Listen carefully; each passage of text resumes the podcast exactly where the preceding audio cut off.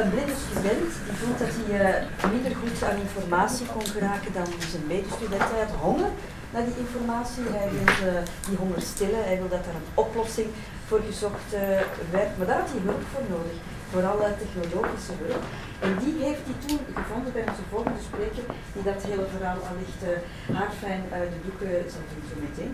Hij is professor, maar dat niet alleen. Hij is ook al jarenlang voorzitter van uh, Kamerlego. Jan Engelen. Goedemorgen. Goed, ik ben voorgesteld. Mevrouw de minister, eh, geachte aanwezigen, geïnteresseerden heb ik erbij gezet, geachte vertegenwoordigers van de Vlaamse krantenwereld. Het is mij uiteraard als voorzitter van de VZ2 Kamerlego een genoegen u vandaag welkom te mogen heten. En ik ga dat heel kort houden. Ik ga een klein beetje vertellen over het verleden, maar vooral over de toekomst. En meer technische gegevens en praktische dingen, die krijgt u later nog wel te horen. We moeten dit hele project zien in een kader van lectuurvoorziening. En u weet dat de lectuur vroeger op papier gedrukt werd, dat wordt nog steeds gedaan, maar er zijn steeds meer en meer elektronische wegen en digitale snelwegen om dat ook mogelijk te maken. Dat wij daarbij een bepaalde doelgroep, die wij meestal die groep mensen met een leeshandicap noemen, voor ogen hebben, dat is het specifiek van deze VZ2. Deze VZ2 is, zoals u al hoorde, heel sterk met technologie bezig, maar ook heel sterk met mensen, dat maakt het juist zo moeilijk. Maar we volgen daarin ook zoveel mogelijk de technologische evoluties, zodanig dat de lezersgroep ook op de meest moderne wijze met de informatie in aanraking kan komen.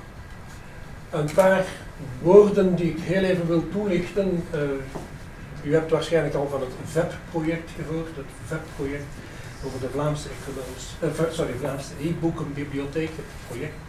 Wel, daar is, komt leven in, dat, in die zaak. De bibliotheken gaan daar binnenkort ook van deze e-boeken gaan kunnen uitlenen. En dat boeken, of die boeken kunnen gelezen worden met software, dat heet tegenwoordig met de moderne naam een app, zoals je waarschijnlijk weet. En het, speciale ervan is dat de app zo ontwikkeld werd, ontwikkeld werd op basis van een protocol dat voor, tot dan toe eigenlijk alleen in de blinde wereld bekend was, het zogenaamde DAISY-protocol. We volgen dat op. Andere dingen die we opvolgen, zij dan, kom ik straks even terug, dat het voor ons nog niet zo echt van groot belang is, maar wel heel belangrijk voor de lectuurvoorziening van mensen, is de, zijn de activiteiten van een groep die de World Intellectual Property Organization heet. En deze groep hangt heel sterk samen met de Verenigde Naties en heeft onlangs in Marrakesh een uitzondering op een copyright weten te bekomen. Namelijk als u boeken wil omzetten voor mensen met een leesbeperking, dan moet dat kunnen. Nu, eh, Marrakesh heeft daar een treaty, of er is in samenwerking overigens met de Luisterpuntbibliotheek, die daar een zeer actieve rol in gespeeld heeft, met name Geert Rubens persoonlijk, hebben, ze hebben daar het Marrakesh Treaty ondertekend om, ja dat is in het Engels to facilitate access enzovoort enzovoort. Maar dat is een goed stap en er moet nog veel aan gewerkt en geduurd worden voordat in nationale wetten omgezet is. Het bijzondere nu is dat wij voor onze kranten die WIPO niet nodig hebben. Om de eenvoudige reden dat we de uitgevers bereid hebben gevonden, hun krant, krantenuitgevers dan toch, hun kranteninformatie voor onze doelgroep, de doelgroep leeshandicap, gewoon ter beschikking te stellen. We hebben daar geen speciale copyrightregels of, uh, laten we zeggen, juridische strijd moeten opvoeren. Integendeel, deze mensen hebben via het platform GoPress Mediacus hun informatie ter beschikking gesteld. Goed, uh, we hebben het al gehad over onze organisatie. Ze is in 1990 opgericht en ik wou even signaleren dat een van de oprichters hier ook aanwezig is, namelijk Hervé Eekman. De groep is uitgebreid, heeft uh, krant uitgegeven. Een kopietje uit de standaard van 12 december 1992 heb ik hier op het scherm staan, waarin aangekondigd wordt dat de blinden, de krant kunnen lezen. Dat was dus de Braillekrant. De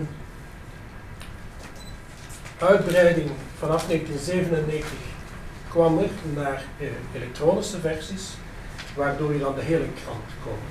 In braille was dat niet mogelijk. En een krant in braille op papier omzetten levert een schade van ongeveer 50 centimeter hoog aan papier op. Dat heeft geen zin natuurlijk. Vandaar dat, en dat is ook al gezegd, dat de braille krant een excerpten was met, met onderdelen van van de krant. Maar de elektronische versies zijn volledig, althans zo volledig mogelijk. Dat betekent al het redactionele gedeelte zit erin. De internetverspreiding van onze audiokranten, dat is iets dat zich situeert vanaf juni 2011.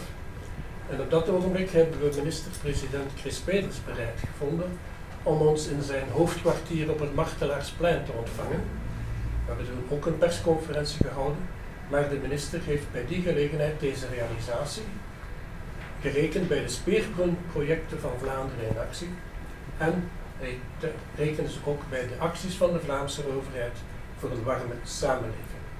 Iets waar wij nog steeds dankbaar voor zijn, dat we dat ook kunnen doen. Goed, terug naar deze tijd. Het is al een paar keer gezegd, het is dankzij de samenwerking met GoPress dat wij deze kranten, alle Vlaamse kranten, nu kunnen uh, aanbieden. We zijn dus ook heel dankbaar voor de technische ondersteuning van de bedrijven, ze zijn al genoemd, Xima, Sensotech en ook GoPress zelf natuurlijk.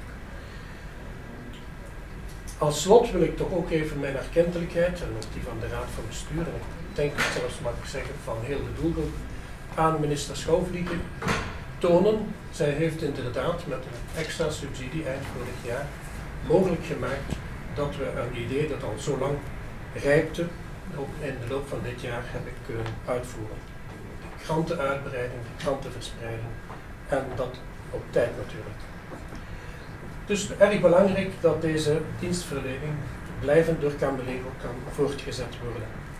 Een krant is er immers zes dagen op zeven meestal als u de zondagskanten er niet bij neemt, die hebben we voorlopig nog niet. En de omzettingen vragen regelmatig nacht- en weekendwerk. Vandaar dat ik ook wil besluiten met een speciale dank aan medewerkers en vrijwilligers van Camelego, die dit uiteindelijk met zeer beperkte middelen nu al meer dan 20 jaar realiseren. Met dank voor uw aandacht.